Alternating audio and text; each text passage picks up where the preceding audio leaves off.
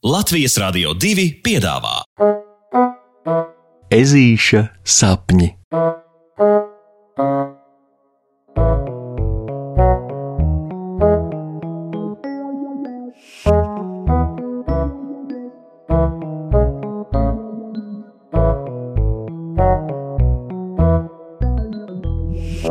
Ezītis sastrīdas ar fejām.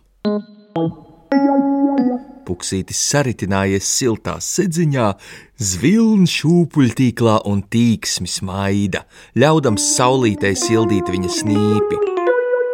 Sagā ieviķelējies ežulis ir tāpēc, ka viņš klausa savu omīti, kura zina visdažādākās veco ežu gudrības.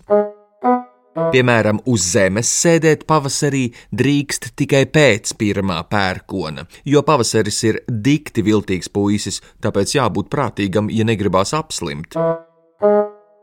Labāk jāuzvelk cepure un jāparūpējās, lai pavasara saulīte, kura mēdz būt arī ar zobiem, neiekož ežulim aušalēs. Tāpēc puksītis klausa. Viņš nesēž uz zemes, nē, bet zviln šūpuļtīklā un sargā no zobainās saulītes nevien savas ausis, bet arī kāju pirkstiņus, kas rūpīgi ietīti siltajā sedziņā. Tā vieglam vējiņam glāstot ežuļa vaigus un tikko pusdienās rūpīgi pieēsto puncīti, viņš viegli aizslīd aiz diendusas sapņu priekškara. Atvēris acis sapņu pasaulē, Puksītis joprojām atrodas pats savā piemājas dārzā, tikai sapņu valstībā.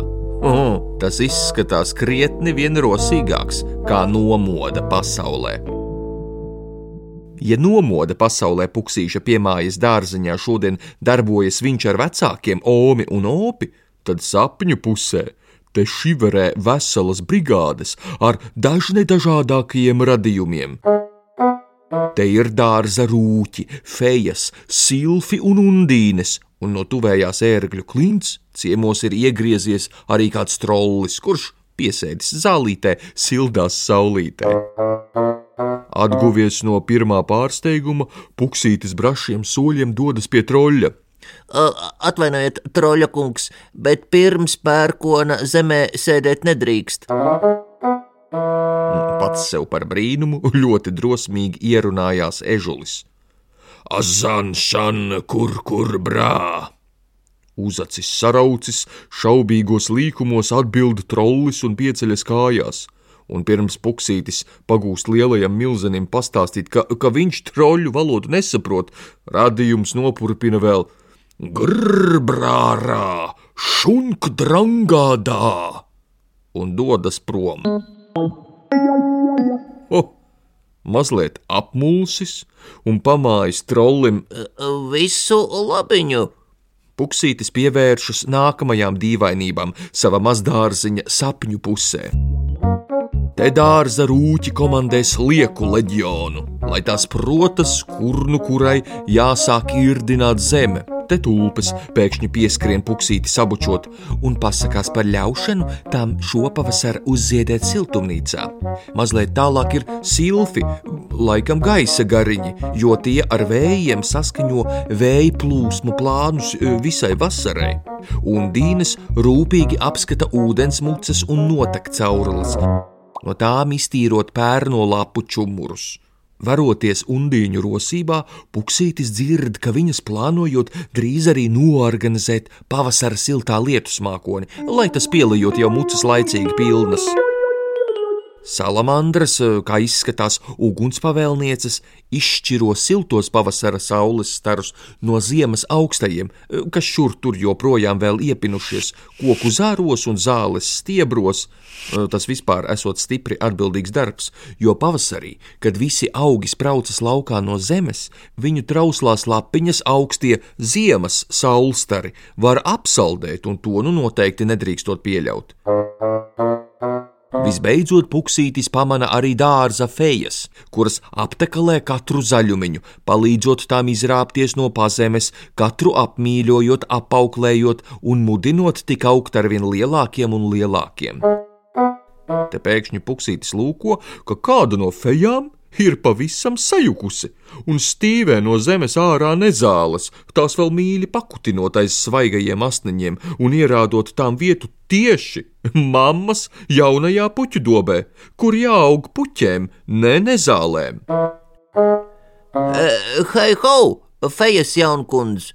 Man liekas, ka jūs kaut ko te esat sajaukusi.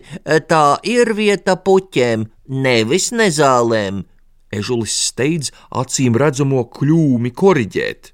Hā, kas pirmais brauc, tas pirmais maļ. Feja atcērt puksītim un turpina tik iesākto. Ni un ni. Puksītis piecērt kājeli un rāpjas iekšā tieši dobē, lai neļautu tajā ierušināties nekādām nezālēm. Feja no ežuļa rīcības iespiedzas sīkā balstiņā un mēģina mazo saimnieku izdzīt no dobes, bet viņš nav ar pliku roku ņemams. Tās ir nezāles, ne zāles, bet šajā dobē būs puķes.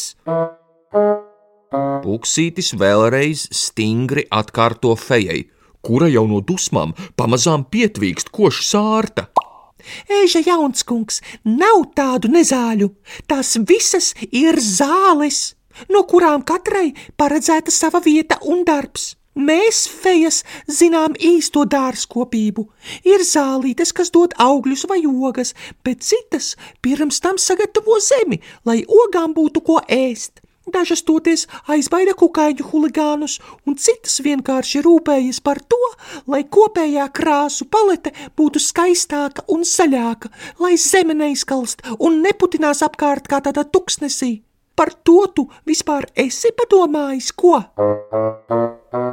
Feja sakrustojusi rokas uz krūtīm, noplivina savus feju spārnus un ar savu sakāmo tik stipri pārsteidz ežuli ka tas uztrūkstas no miega nomoda pasaulē. Ha, tīrākā taisnība. Puksītis raujoties no miegiem augšā, vēl cenšas piekrist fejai, bet, bet pasaka sakāmo opim, kurš paķēris lāpstu, grib norakt dobi, lai tajā nesaug nezāles. Nē, nē, nē, nē! Ežulis iešūpojas šūpuļtīklā un teju vai no tā izveļas ārā, cenšoties apturēt opi un tad viņam sīki un smalki izskaidrojot, ko tas uzzinājis no fejām sapnītī. Redziet, katram augam dabā ir sava vieta un darbs, un ja augs nav skaistākais pasaulē vai nedod gardākos augļus, tas nebūtu nenozīmē, ka tas uzreiz ir nederīgs. Jo, piemēram, necilās ceļmallapas speciāli aug, lai palīdzētu apārstēt nobrāztos ceļgalus. Kodīgās nātres der visveselīgākajām pavasara zupām, bet pienenes taču sniedz vitamīnu papildvielas salātiem. Vārdu sakot, pirms kādu augu no dārza dzīt laukā, labāk būtu vispirms visu par to iemācīties, jo citreiz nederīgs tas var šķist tikai tāpēc, ka mums par to trūkst zināšanu. Pēc puksīša runas Opis smaida un bilst, ka puksītis ir sirsnīgākais un prātīgākais dārznieks, kādu viņš jebkad esot saticis, un viņš savā mūžā ir saticis vismaz simts tūkstošus dārznieku, bet labprāt darīs tā, kā saka puksītis. Pasakas beigas ar labu nakti, draugi!